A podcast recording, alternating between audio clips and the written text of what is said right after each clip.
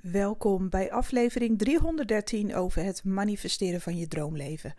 Ik ben Annemarie Kwakkelaar, ik ben intuïtief coach en ik help jou om je dromen te manifesteren met behulp van de wet van de aantrekking en kwantumfysica.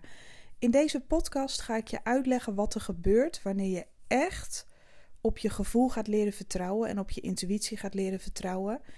En als je, de als je het pad gaat volgen uh, van je hart. En als je echt gaat luisteren naar dat stemmetje van je lijf, maar ook van je geest.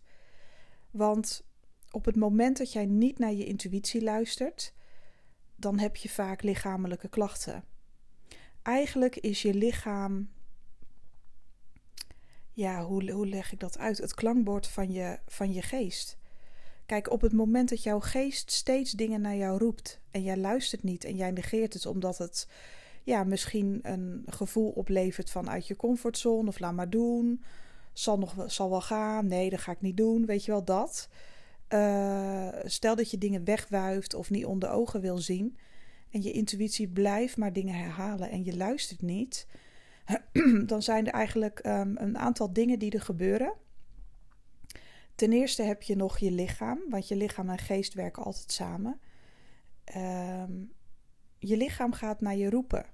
Van hallo. Sommige mensen eh, hebben bijvoorbeeld te veel hooi op hun vork. En ze willen maar niet luisteren. En ze gaan maar door en ze gaan maar door. Nou, dan hebben ze op een dag knallende koppijn. En dan vragen ze zich af: ja, hoe komt dat toch? Te veel zorgen aan je hoofd. Je lichaam geeft het aan. Stop. Stop en rust uit, want dit is niet goed. Je zendt de verkeerde signalen uit naar het universum en dan krijg je hoofdpijn. En dat is geen straf, het is echt om je even stil te zetten. En om je eventjes, ehm, ja, je lichaam probeert dus om je uit te nodigen om een andere koers te bewandelen. En als je daar stug doorheen gaat en je gaat zelfs niet naar die hoofdpijn luisteren en je onderdrukt het bijvoorbeeld met uh, tabletten en je doet er nog een schepje bovenop, dan heb je misschien nog een andere blessure te pakken. Of dan word je helemaal stilgezet, of dan gebeurt er iets vanuit het universum grijpt dan in, zeg maar, zodat een bepaald project stop wordt gezet. Dat je ook echt niet meer verder kan en dan moet je wel uitrusten. Dus je wordt altijd in bescherming genomen. En dat zijn ja, niet vaak. Uh, soms gebeurt het ook wel eens op een niet leuke manier. Zo heb ik dat zelf ook ervaren toen ik niet naar mijn intuïtie luisterde. Uh, ik had het bijvoorbeeld, ik werkte 14 jaar lang in de zorg. En het werd, werd me te veel en ik moest een ander pad gaan kiezen. En stiekem wist ik het wel. Maar ik wist niet welk pad en daarom maakte dat mij in paniek. Ik dacht van ja, dag, dat weet ik allemaal niet hoor. Ik heb alleen maar mijn diploma voor de, hè, voor de gehandicaptenzorg en dit en dat. En ik, ik kan niks anders. Dit is alles wat ik mijn hele leven kan. Dat dacht ik echt hè. En ik wilde maar niet luisteren. En uh, om dat te vergeten, dus om dat stemmetje te negeren, ging ik weer bezig met de paardensport. Want mijn paard was jaren geleden is het al overleden. En uh, ik had het, ja, ik was ermee gestopt. Dressuur was echt mijn lievelings. Vond ik echt leuk om te doen. En uh, ik ging daar weer mee aan de slag. Ik dacht dat dat een goede stap was. Maar ik sloeg daar helemaal in door. In plaats van het als een hobby te zien, had ik een verzorg paard van een vriendin. Nou, die rijdt altijd buiten. En ze zei, nou, doe jij maar in de bak, want ik vind het veel leuker om naar buiten te gaan. En ik vond het leuk om echt te trainen. En ik sloeg er een beetje in door. Ik was hele dagen daar op stal. Ik deed alles. Ik vond het echt leuk om buiten te zijn. En creatief, lekker met mijn handen werken. Weet je wel, gewoon lekker aards. Heerlijk. En dan kon ik ook gewoon dat werk vergeten wat ik niet leuk vond. Maar ik ging er weer helemaal zo op in, zeg maar, met die paarden, dat ik het hele probleem wat ik eigenlijk had, ja, wilde ik vergeten. En het universum heeft ingegrepen. En hoe? Ik ging maar door, ik ging maar door. Ik, ging, ik liet ook over mijn grenzen heen gaan daar. Er was daar een vrouw op stal. Nou, die was echt allesbehalve aardig en vriendelijk. Zij was de eigenaresse en ja, je hoefde maar één stap verkeerd te zetten en uh, je kreeg haar gewoon in je nek. En normaal gesproken ben ik best wel, uh, ja, hoe zeg je dat? Ik kan echt wel mijn grens aangeven op een hele goede, rustige manier. En als iemand te ver gaat, ja, dan kat ik gewoon terug. Want ja, ik laat echt niet over me heen lopen door niemand. Maar er zijn bij mij ook uitzonderingen. Er zijn mensen die mij ook op een bepaalde manier triggeren en dan doe ik dat niet. Hoe dat precies komt, ja, dat zal iets met mijn verleden te maken hebben. Maar zij had een soort, ja, ik was daar natuurlijk maar te gast. Ik had niet e-, eens mijn eigen paard daar op pension, maar dat was van een vriendin. En ik moest het er maar mee doen. Ik was maar een soort van uh, hulpknechtje. en uh, ik moest het maar uitzien te zoeken daar. En ik moest me echt aan elke regel houden, want anders dan uh, werd ze gewoon boos. En nu had ik, die vriendin van mij heeft zo'n mini paardje. Gewoon, ja, zij is helemaal gek van dieren. Die heeft ik weet niet hoeveel dieren. En die had dan een groot vriespaard. Nou, daar mocht ik dan op rijden. Even dat beestje goed poetsen. Af en toe van de paddock halen. Dus dat is de plaats waar ze dan overdag kunnen staan. Als het te regenachtig is of te modderig op de wei, kunnen ze op zo'n uh, stenen plaats staan.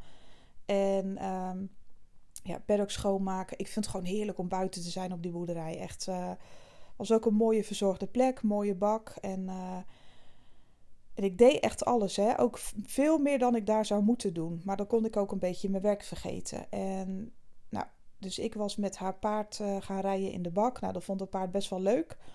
Maar op den duur ging ik echt die dressuuroefeningen doen. En dat paard had zoiets van, ja, ik ben liever met mijn eigen baasje lekker buiten. Want dan hoef ik niet uh, getraind te worden. Ik heb er geen zin in.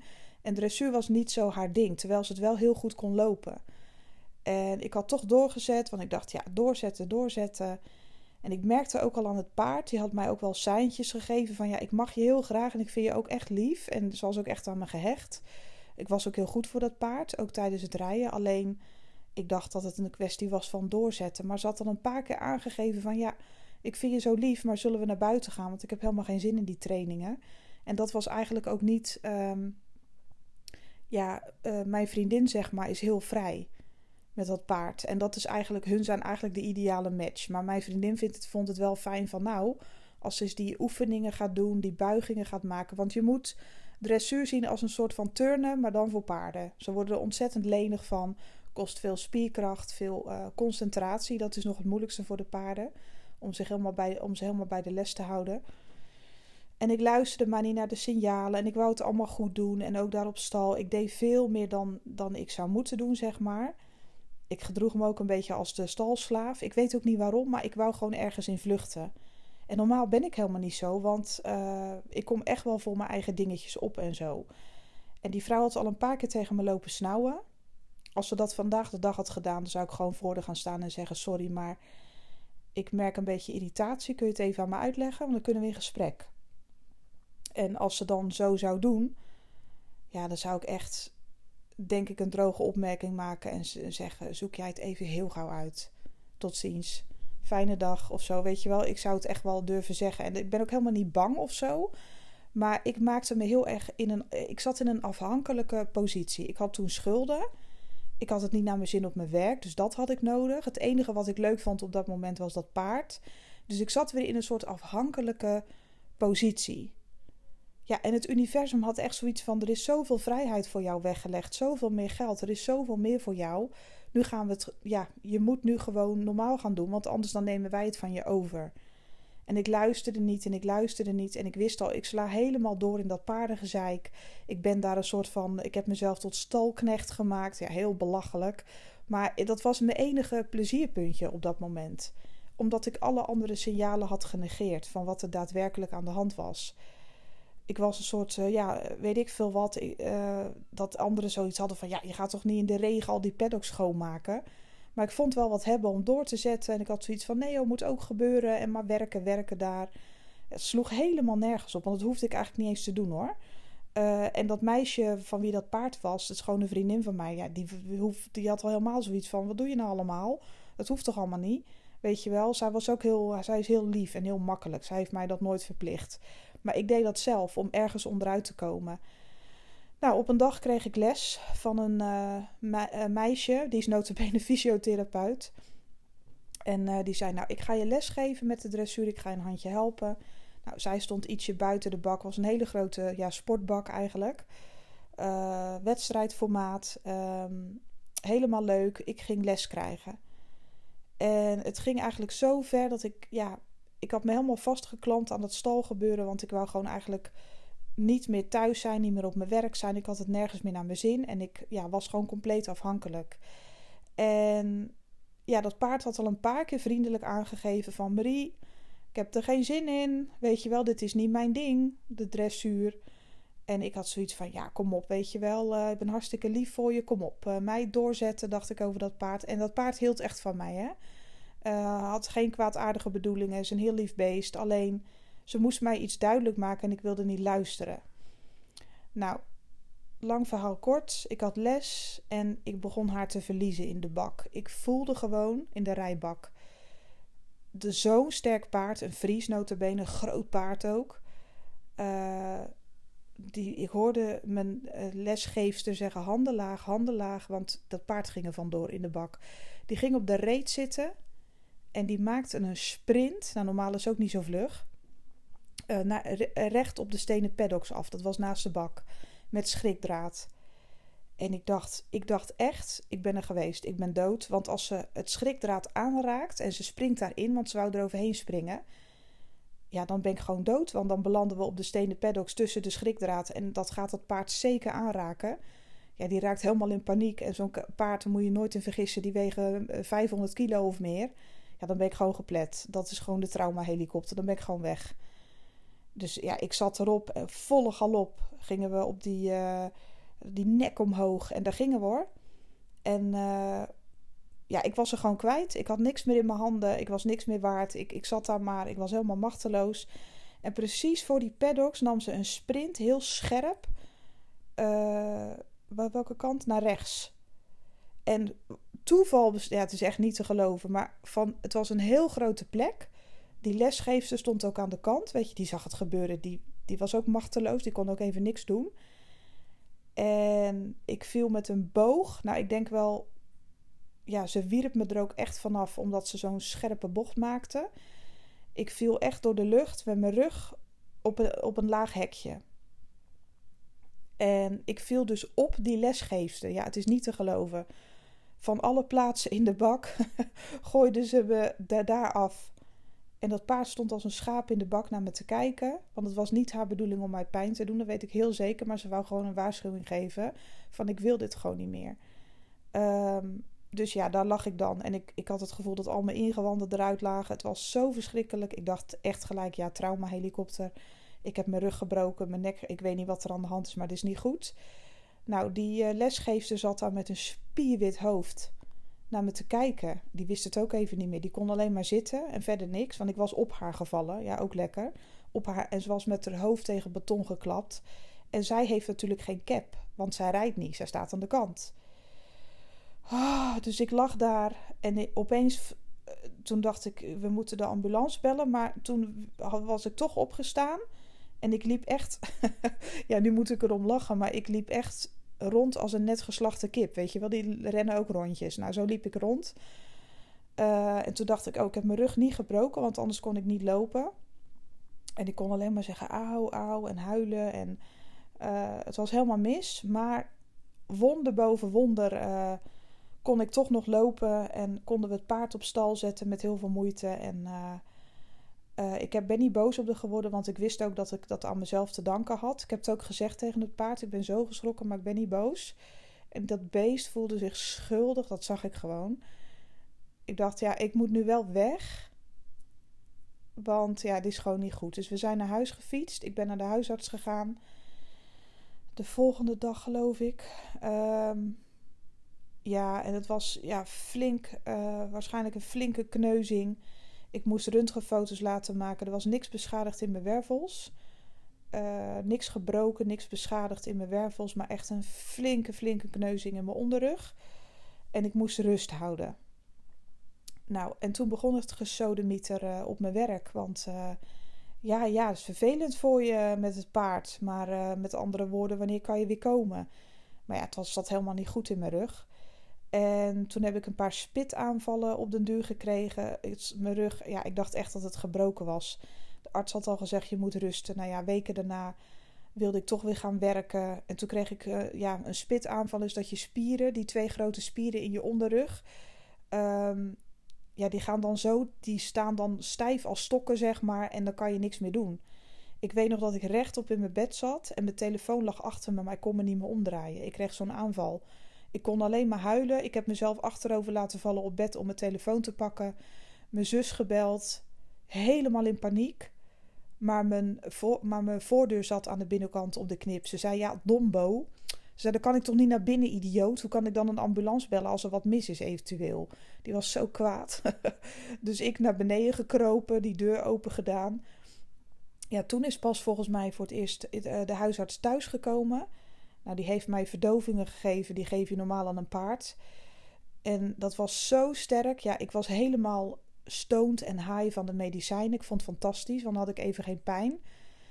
En die medicatie heb ik niet lang kunnen nemen, want ik hoorde stemmetjes. Ik geloofde daar nooit in dat mensen stemmetjes konden horen. Maar geloof me, met bepaalde eh, medicatie hoor je dat dus.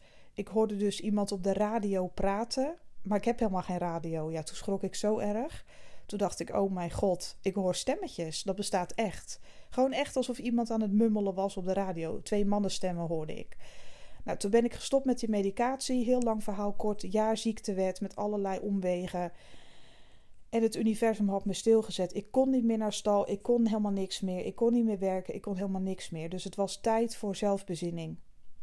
Het universum had het overgenomen. Luister je nou nog eens naar je intuïtie? Luister je nou nog eens naar wat we zeggen? Moest het zo ver komen voordat jij ging luisteren dat er iets beters voor je weg is gelegd. Dat je geen een of andere stalknecht bent. En dat je ook niet. Je mag je hobby's uitvoeren, maar maak het nou niet zo extreem. En zorg nou eens voor jezelf. En ga nou eens doen wat je leuk vindt. En wij gaan het van je overnemen, ook financieel. Nou, alles is in werking gezet op dat moment. Toen ben ik uh, begonnen met ondernemen in dat jaar dat ik in de ziektewet zat.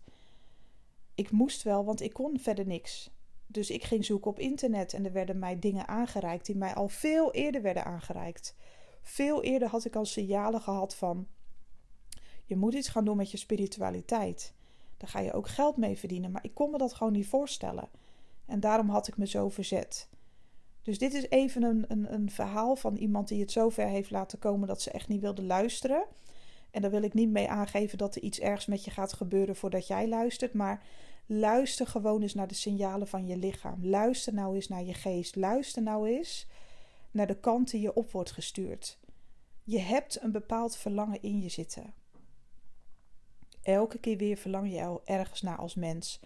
De ene keer is het naar geld, de andere keer is het naar liefde, de andere keer is het naar zus en zo. Maar luister daar nou naar. En geef aandacht ja, aan de fluisteringen, zeg maar, van je, van je hart als eerste. En, en probeer die aanwijzingen op te volgen. Soms heb je wel eens van die gedachten in jezelf. Dat je denkt van, oh, ik zou eigenlijk dit en dat en dat wel willen. Ga daar aandacht aan besteden, want je verlangt het niet voor niets. Het is namelijk een optie die jou wordt gegeven door het universum. En stop het nou niet weg en ga het met jezelf aan. Zijn er nog bepaalde dingen die in jouw leven weg moeten, die moeten worden verwijderd? vriendschappen, relaties, uh, situaties die je niet meer dienen, bepaald werk wat je echt niet meer wil doen. Luister nou eens. Want je wil het echt niet zo ver. Kijk, ik ben natuurlijk wel, ik heb eigenwijs uitgevonden. I'm the founder. Het is niet normaal. Um, ik, ik wilde gewoon echt niet meer luisteren. En ik verstopte mezelf en ik stak echt mijn kop in het zand. En daarom moest het gebeuren. Achteraf ben ik zo blij. Ja, het klinkt echt achterlijk, maar het was heel pijnlijk die ervaring. Maar achteraf ben ik zo blij dat dat is gebeurd. Want hallo, anders zat ik nu nog in de zorg. Ik denk dat het dan alsnog was overgenomen door het universum hoor. Dat ik dat dan niet meer had gedaan. Maar altijd maar weer blijven sloven voor anderen. Altijd jezelf wegcijferen. Dat heb ik zo lang gedaan. En dat is nu dus niet meer het geval.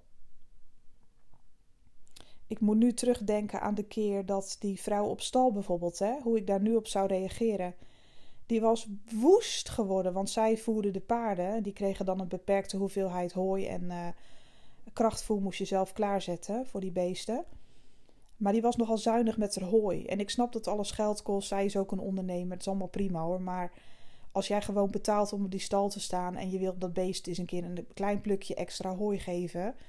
Ja, sorry, maar dan moet het gewoon kunnen. En. Uh, ik had dat kleine paardje, dat Shetlandertje, zeg maar. Dat hele kleine, of ja, mini paardje. Ik weet even niet of dat een Shetlander was. Um, had ik een klein plukje hooi gegeven. Dat beestje is net zo groot. Die komt op mijn knieën ongeveer. Zo'n heel klein lief beestje.